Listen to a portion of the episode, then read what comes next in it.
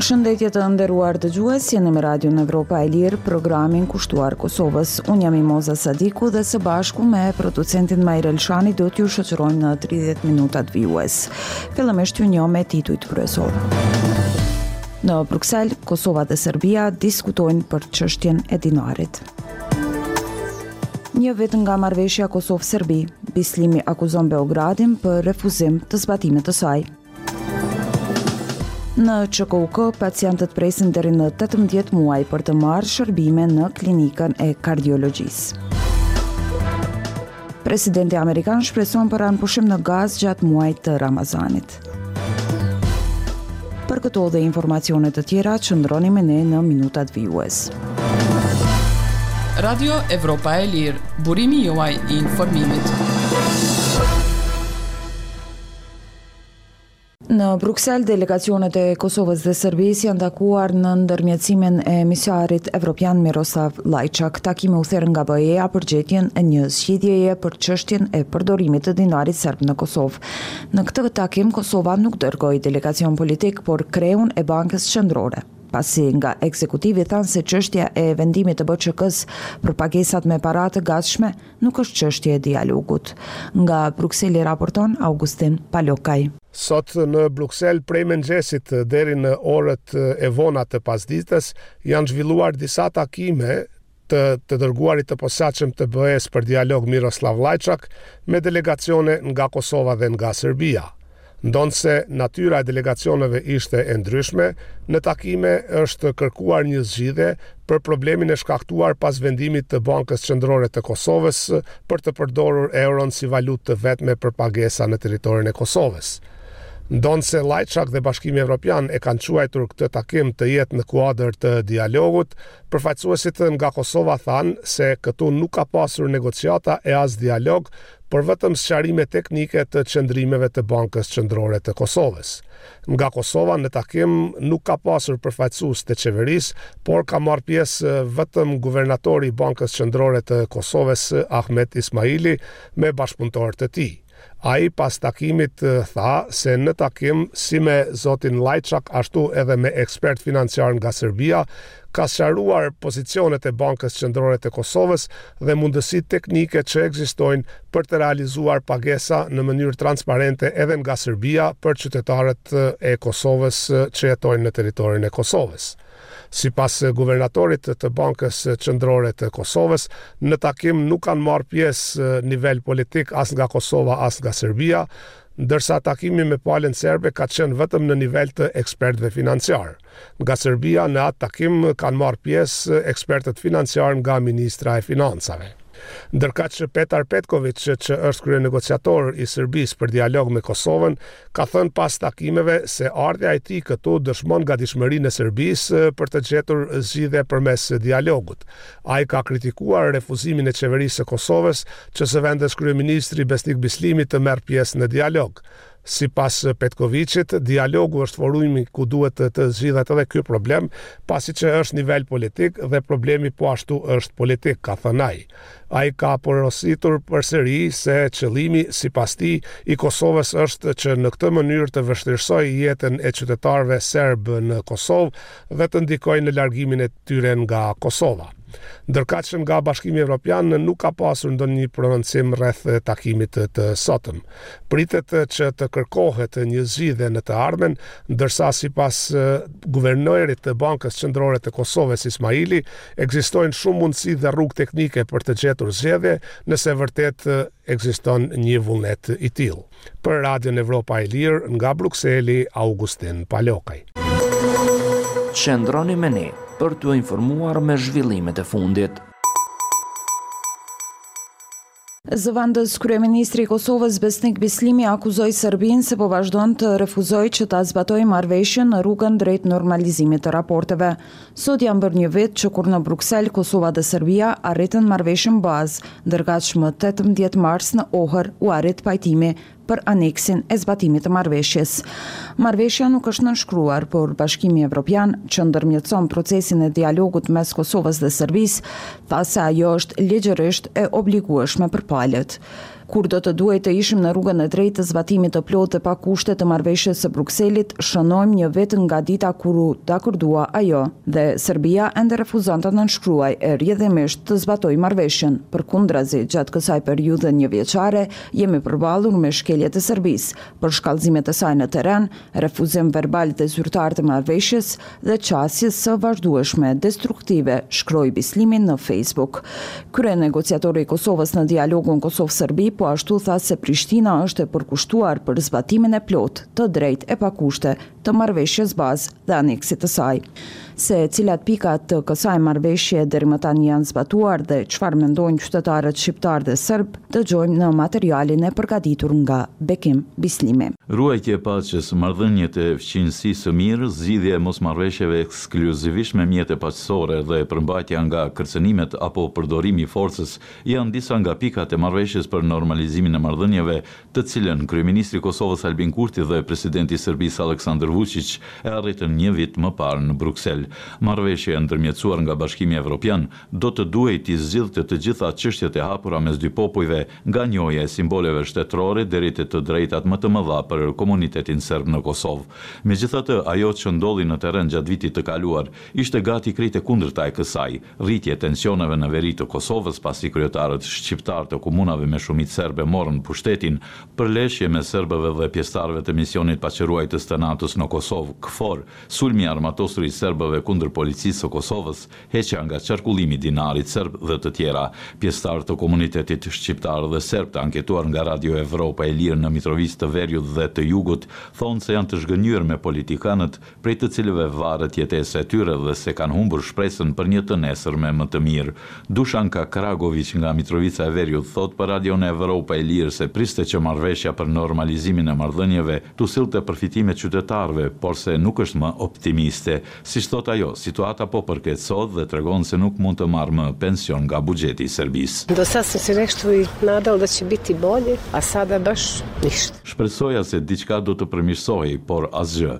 Jam vërtet e zhgënjyer. Unë jetoj sot për nesër, thotë Kragoviç. Slavkoja thotë se qytetarët nuk e dinë se për çfarë po negociojnë politikanët, por, sipas tij, ata e dinë se nuk po jetojnë më mirë. Ovo nije bilo nikad ovako. Ništa napredak nemamo nikakav. Kështu nuk ka qenë kurrë. Nuk kemi përparim. As rinia nuk mund të punojë. As punë nuk ka. Jemi mbyllur këtu, nuk e marrim dot as pensionin, thotë ai. Ali Rexha nga Mitrovica e Jugut thotë se nuk ka pasur përparim në terren gjatë vitit të fundit dhe se qytetarët nuk ndjejnë ndonjë rezultat pozitiv të marrëveshjes për normalizimin e marrëdhënieve. Ne znam Boga mi, sad postali dosadni svi, mi volimo da bude za sve dobro. Nuk e di për Zotin, të gjithë janë bërë të mërzitshëm. Ne duam që të gjithë të jenë mirë, por politika, thotë Rexha. Sipas tij, është i nevojshëm një kompromis që serbët dhe shqiptarët të jetojnë në paqe. Shpejtim Morina beson se marrëdhëniet mes Kosovës dhe Serbisë do të normalizoheshin nëse do të nënshkruhej marrëveshja përfundimtare. So it's not too bad. We accept to have a recognition of two states. Nuk është edhe aq keq tani, por ne kemi nevojë për njohje reciproke, thotë ai. Njëzet ditë pasi Kosova dhe Serbia e pranuan marrëveshjen më njëzet e shtatë shkurt të vitit dy mijë e njëzet e tre, që deri atëherë njihej në opinion si plani franko-gjerman, në Ohër u ra dakord për një aneks dokument për zbatimin e saj, edhe pse nuk u nënshkrua. Bashkimi Evropian tha se marrëveshja është ligjërisht e detyrueshme dhe se obligimet që dalin prej saj janë pjesë integrale e rrugës evropiane për Kosovën dhe Serbinë. Megjithatë, zyrtarë të lartë të Kosovës dhe Serbisë, shprehin vazhdimisht qëndrime që lanë të kuptohet se nuk janë të gatshëm t'i përmbahen marrëveshjes. Nga të gjitha pikat e marrëveshjes deri më tash u zbatuan vetëm ato që kanë të bëjnë me personat e zhdukur dhe njohjen e targave. Tani bashkësia ndërkombëtare paralajmëron sërish tensione të mundshme etnike për shkak të vendimit të Bankës Qendrore të Kosovës për të hequr nga qarkullimi dinarin serb. Naim Leo Beshiri nga Instituti i Beogradit për Çështje Evropiane vlerëson se Bashkimi Evropian ka bërë gjithçka që ka mundur për të sjellë në tryezën e bisedimeve dy palët me pikëpamje jashtëzakonisht të kundërta, por se Kurti dhe Vuçiq sipas tij, nuk kanë vizion se si t'i afrojnë dy popujt. Sipas tij, marrëveshja për normalizimin e marrëdhënieve arritur shkurtin e kaluar, është marrëveshja më e mirë që pala serbe mund ta bëjë. Ai gjithashtu beson se Vuçiq duhet t'u thotë qytetarëve të Serbisë se nuk ka më asnjë autoritet në Kosovë, në mënyrë që të mos ketë më rritje të tensioneve etnike dhe sulme si ai në Banjskë. S druge strane, ono što premijer Kurti zahteva da potpis i pečat govori o njegovoj infantilnosti. Në anën tjetër, fakti që kryeministri Kurti kërkon nënshkrim dhe vulë, tregon se ai realisht nuk dëshiron ta integrojë minoritetin serb brenda institucioneve të tij. Për të janë të pranueshëm vetëm serbët që e shohin të ardhmen e Kosovës me sytë e tij, thotë Beshiri. Ai po ashtu e konsideron shqetësues faktin se Kurti nuk konsultohet me askënd për shumicën e vendimeve që, siç thotë ai, kanë ndikim në komunitetin serb. Me ndërmjetësimin e Bashkimit Evropian, Kosova dhe Serbia janë në negociata për normalizimin e marrëdhënieve qysh në vitin dy mijë e njëmbëdhjetë. Për Radion Evropa e Lirë nga Prishtina, Bekim Bislimi.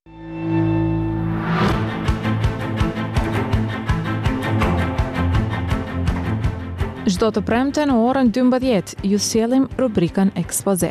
Ngjarjen kryesore të javës në skenën botërore e gjeni të përmbledhur në evropaelir.org.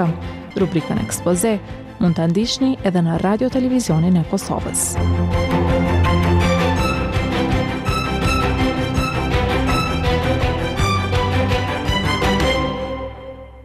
Në klinikën e kardiologjisë të Qendrës Klinike Universitare të Kosovës ka listë të gjatë pritjeje, aktualisht mbi 1600 persona.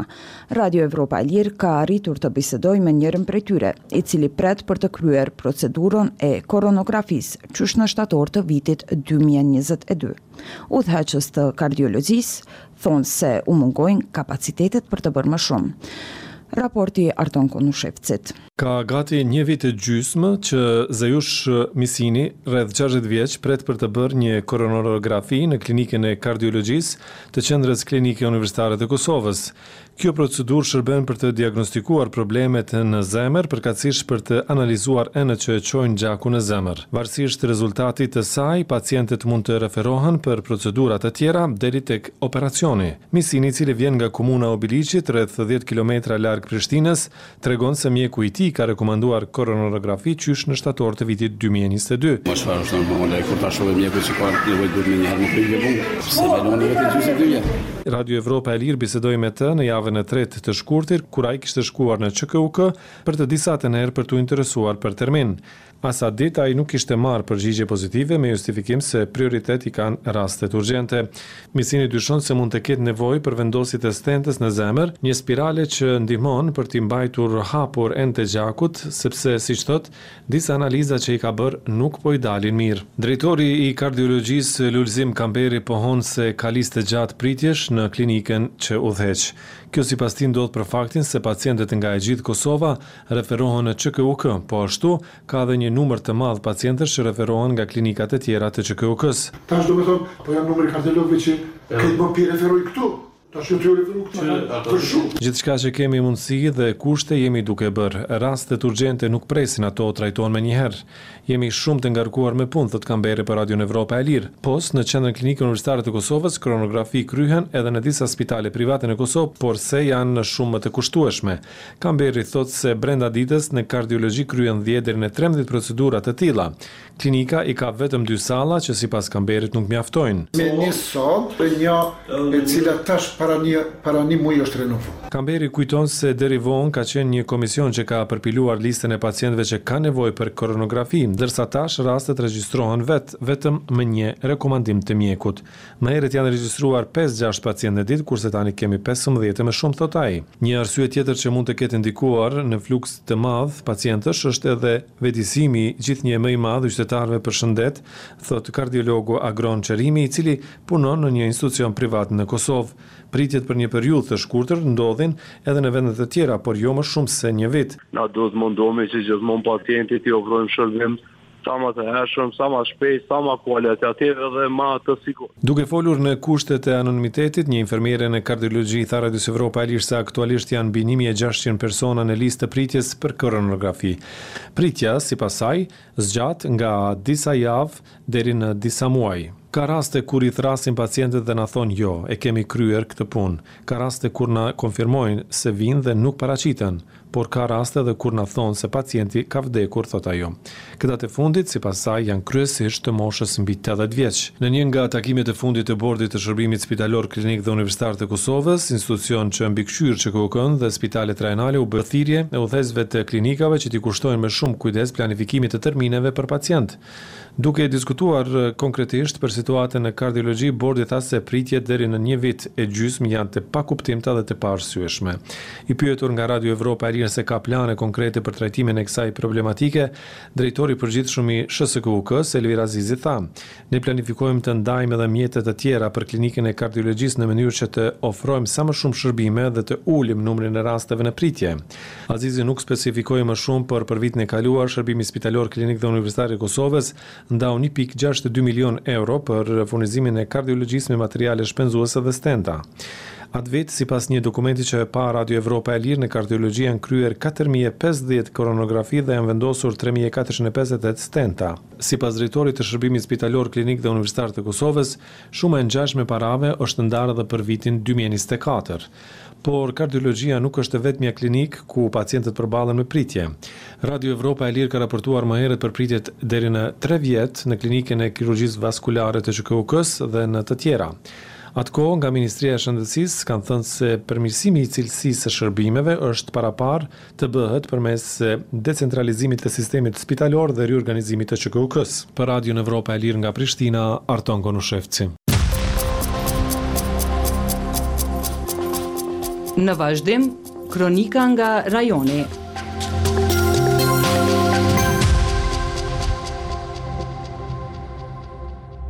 Pritje të gjata për të marrë shërbime mjekësore, Ka edhe në Maqedoninë e Veriut.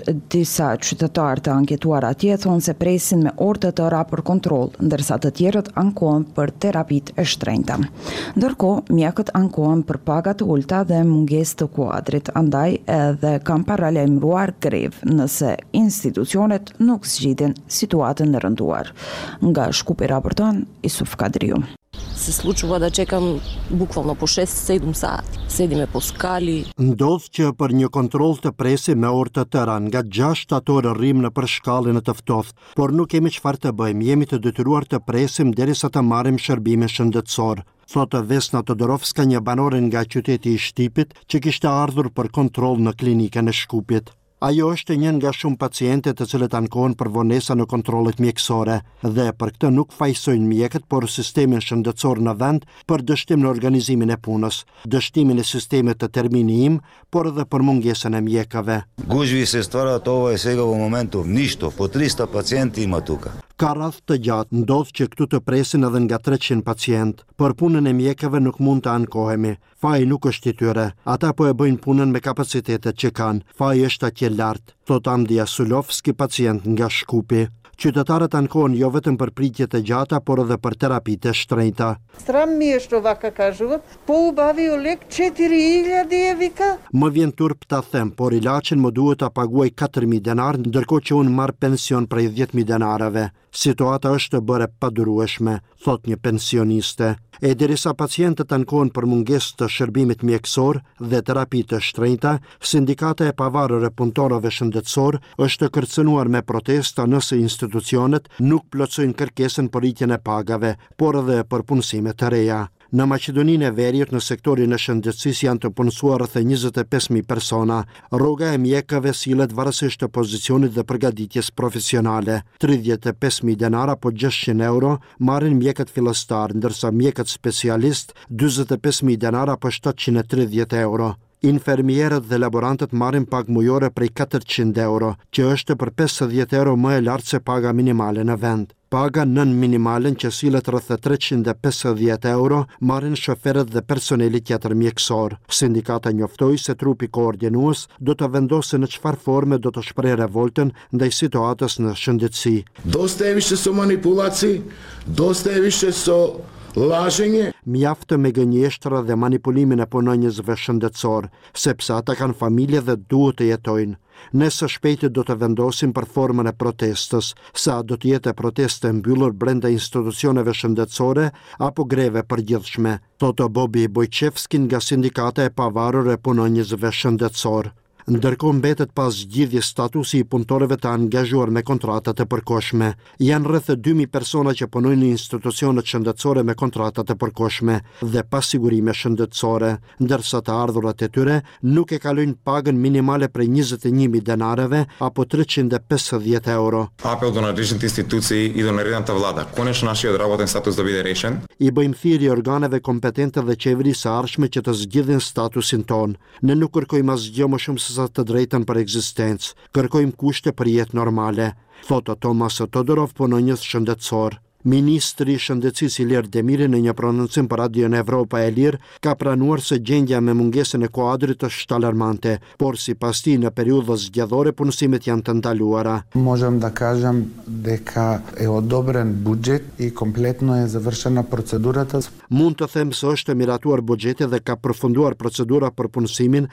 e më shumë se një mijë punëtorëve. Por meqenëse jemi duke hyrë në një proces zgjedhor, ligji nuk lejon punësime, kështu që pas zgjedhjeve do të vazhdojnë procedurat për punësimin e tyre, ka thënë ministri i Shëndetësisë Ilir Demiri. Për Radion Evropa e Lirë nga Shkupi Isuf Kadriu.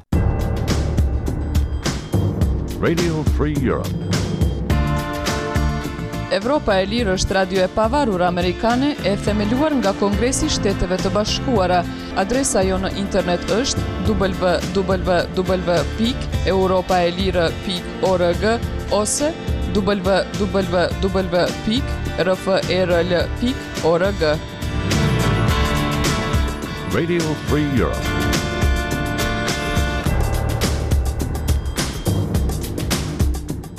Presidenti i Shteteve të Bashkuara Joe Biden tha se shpreson që të ketë një armëpushim në luftën Izrael-Gazë nisur nga java e ardhshme. Komentet vijnë në kohën e raporteve për disa përparime të bëra në negociatat që përfshijnë përfaqësuesit e Izraelit dhe Hamasit, grupit të shpallur terrorist nga disa fuqi botërore, i cili udhëheq Rripin e Gazës. Më shumë detaje në raportin që pason. Presidenti i Shteteve të Bashkuara Joe Biden tha se Izraeli do të jetë i gatshëm të ndalë luftën e tij kundër Hamasit, grupit palestinez të shpallur organizatë terroriste nga SHBA-ja dhe Bashkimi Evropian, gjatë muajit të Ramazanit nëse arrihet një marrëveshje për lirimin e disa pengjeve që mbahen nga radikalët palestinezë.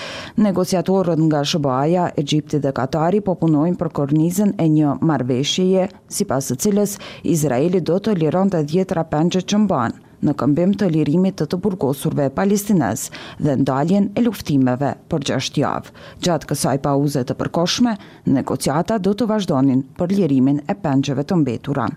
Ende nuk ka ndonjë reagim nga Izraeli lidhur me deklaratat e Bidenit.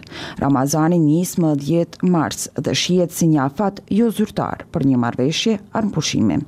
Biden tha se shpreson që një marrëveshje armëpushimi do të hynte në fuqi javën e ardhshme. Gjatë pauzës, negociatat do të vazhdonin për lirimin e pengjeve të mbetura dhe lirimin e më shumë të burgosurve palestinezë që mbahen nga Izraeli. Ramazani po vjen dhe duhet të ketë një marrëveshje nga izraelitët që po ashtu të mos përfshihen në aktivitete gjatë Ramazanit. në mënyrë që të na japin ne kohë për të liruar të gjitha pengjet, tha Biden gjatë një interviste për NBC. Në të njëjtën kohë, Biden nuk bëri thirrje për ndaljen e luftës që u nxit nga sulmi vdekjeprurës i Hamasit në jug të Izraelit më shtatë tetor. Ai e la mundësinë e hapur për një ofenzivë tokësore në Rafah, në jug të Gazës, që gjendet në kufi me Egjiptin, ku gjysma e popullsisë prej dy pikë tre milionë banorësh e Gazës është strehuar në bazë të urdhrave për evakuim të lëshuar nga Izraeli. Mundësia e një pushtimi në Rafah ka ngritur alarmin në botë, lidhur me fatin e civilëve që janë ngujuar atje. Kryeministri izraelit Benjamin Netanyahu ka deklaruar se operacioni tokësor në Rafah është një komponent i paevitueshëm i strategjisë së Izraelit për të shtypur Hamasin. Biden tha të hënën se ai beson se Izraeli ka ngadalësuar bombardimet e tij në Rafah. Ata duhet dhe më janë zotuar se do të kujdesen që të ketë një aftësi për të evakuuar një pjesë të konsiderueshme të Rafahut para se të shkojnë për të shkatërruar pjesën e mbetur të Hamasit, por Është një proces, tha ai. Si pasojë e ofenzivës tokësore dhe ajrore të Izraelit në Rripin e Gazës, është shkaktuar një katastrofë humanitare dhe janë vrarë afër tridhjetë mijë palestinezë, sipas të dhënave të Ministrisë së Shëndetësisë në territorin e udhëhequr nga Hamasi. Ministria e Shëndetësisë në Gazë nuk bën dallimin mes civilëve të vrarë dhe luftëtarëve të Hamasit. Izraeli, ndërkaq, ka thënë se ka vrarë dhjetë mijë luftëtarë të Hamasit, por nuk ka ofruar dëshmi për këtë pretendim. Në vazhdim, blloku i lajmeve. Radosh Petroviq dhe Dushan Obrenoviq, të cilët u arrestuan më 29 maj të vitit të kaluar në Zveçan në veri të Kosovës gjatë përleshjeve mes protestuesve sërbë dhe pjesëtarëve të KFOR-it, kanë arritur një marrëveshje me prokurorinë speciale dhe kanë pranuar fajësinë për veprën penale pjesëmarrje në turmë që kryen veprën penale dhe huliganizëm. Pas pranimit të fajësisë, ata janë lënë të lirë, kështu konfirmoi për gazetarët avokati Azdren Hoxha. Ai sqaroi se paraprakisht janë hedhur poshtë tri vepra të tjera penale që rëndonin ndaj të akuzuarve. Gjykata miratoi atë për të cilën kemi rënë dakord sa i përket Radosh Petroviçit, 6 muaj burgim i është shndërruar në gjobë, ndërkaq Dushan Obrenoviçit, që ka qëndruar në paraburgim, Ajo kohë i është përfshirë në dënimin e tij, sqaroi Hoxha. Për shkak të tensioneve në veri të Kosovës majin e vitit të kaluar, autoritetet kanë arrestuar 10 pjesëtarë të komunitetit serb. Udhëheqësit evropianë janë pajtuar të krijojnë një koalicion për të furnizuar Ukrainën me raketa me rreze të mesme dhe të gjatë veprimi dhe me bomba, tha presidenti i Francës Emmanuel Macron Pas një samiti të liderëve të kontinentit të mbajtur në Paris, Ukraina ka hyrë tashmë në vitin e tretë të luftës kundër pushtimit rus. Ne po ashtu kemi vendosur të japim një shtysë të re koalicionit të mbrojtjes ajrore, që për të cilën ka bërë thirrje presidenti ukrainas Volodymyr Zelensky, tha Macron gjatë një konference për media të mbajtur pas takimit. Zelensky, që iu adresua samitit përmes videolidhjes, u bëri thirrje udhëheqësve evropianë që të sigurohen se presidenti rus Vladimir Putin nuk mund t'i shkatërrojë arritjet e deritanishme dhe nuk mund të zgjerojë agresionin e tij në shtete të tjera. Koreja e Veriut ka dërguar afër 6700 kontejnerë me miliona municione në Rusi që nga korriku në mbështetje të luftës së Moskës kundër Ukrainës, raportojnë mediat në Korenë e Jugut Duke cituar ministrin e Mbrojtjes, ky njoftim është një sinjal për vazhdimin e dërgesave të armëve nga Koreja e Veriut në Rusi. Ministri jugkorean Shin Won-sik tha se kontejnerët mund të kenë bartur mbi 3 milion predha të artilerisë prej 152 mm apo 500.000 predha prej 122 mm. Seuli dhe Washingtoni kanë akuzuar Phenjanin dhe Moskën për tregti armësh dhe kanë dënuar veriun për furnizime me armë për Rusinë, të cilat Moska i përdor kundër Ukrainës. Bashkëpunëtorët e politikanit të ndjerë opozitar Alexei Navalny thanë se nuk po mund të gjejë një vend në kryeqytetin rus për të organizuar një ceremoni publike të lamtumirës për kritikun e Kremlinit, pasi nëna e tij tha se është shantazhuar nga zyrtarët që të mbajë të fshehtë një ceremoni të lamtumirës për të birin. Ne kemi thirrur shumicën e agjencive private dhe shtetërore të funeraleve, entitetet komerciale dhe ato që organizojnë ceremoni të lamtumirës. Disa thanë se i kanë të zëna vendet, të tjerët refuzuan të flisnin sapo dëgjonin emrin e Navalnyt, tha zëdhënësja Kiri Yarmysh përmes një postimi në X, që më herët njihej si Twitter. Familjarët e Navalnit, bashkëpunëtorët e tij dhe zyrtarët perëndimorë kanë fajësuar presidentin rus Vladimir Putin për vdekjen e tij në një burg në Arktik më 16 shkurt. Zyrtarët rus kanë hedhur poshtë këto akuza. Grupi militant libanez Hezbollah tha se ka hedhur një breshëri raketash kundër një baze izraelite të kontrollit ajror në kundërpërgjigje të një sulmi vdekjeprurës ajror të kryer nga Izraeli në lindje të Libanit. Hezbollahu, që është aleati i Hamasit, grupit palestinez të shpallur organizatë terroriste nga disa fuqi perëndimore, ka shkëmbyer zjarr me ushtrinë izraelite në baza ditore, prej se ka nisur lufta në Gazë në muajin tetor, por sulmet ajrore kryesisht janë kufizuar në zonën kufitare. Hezbollahu, që mbështetet nga Irani, ka thënë se ka shënjestruar bazën e kontrollit ajror Meron, me breshëri raketash nga disa raketahedhës.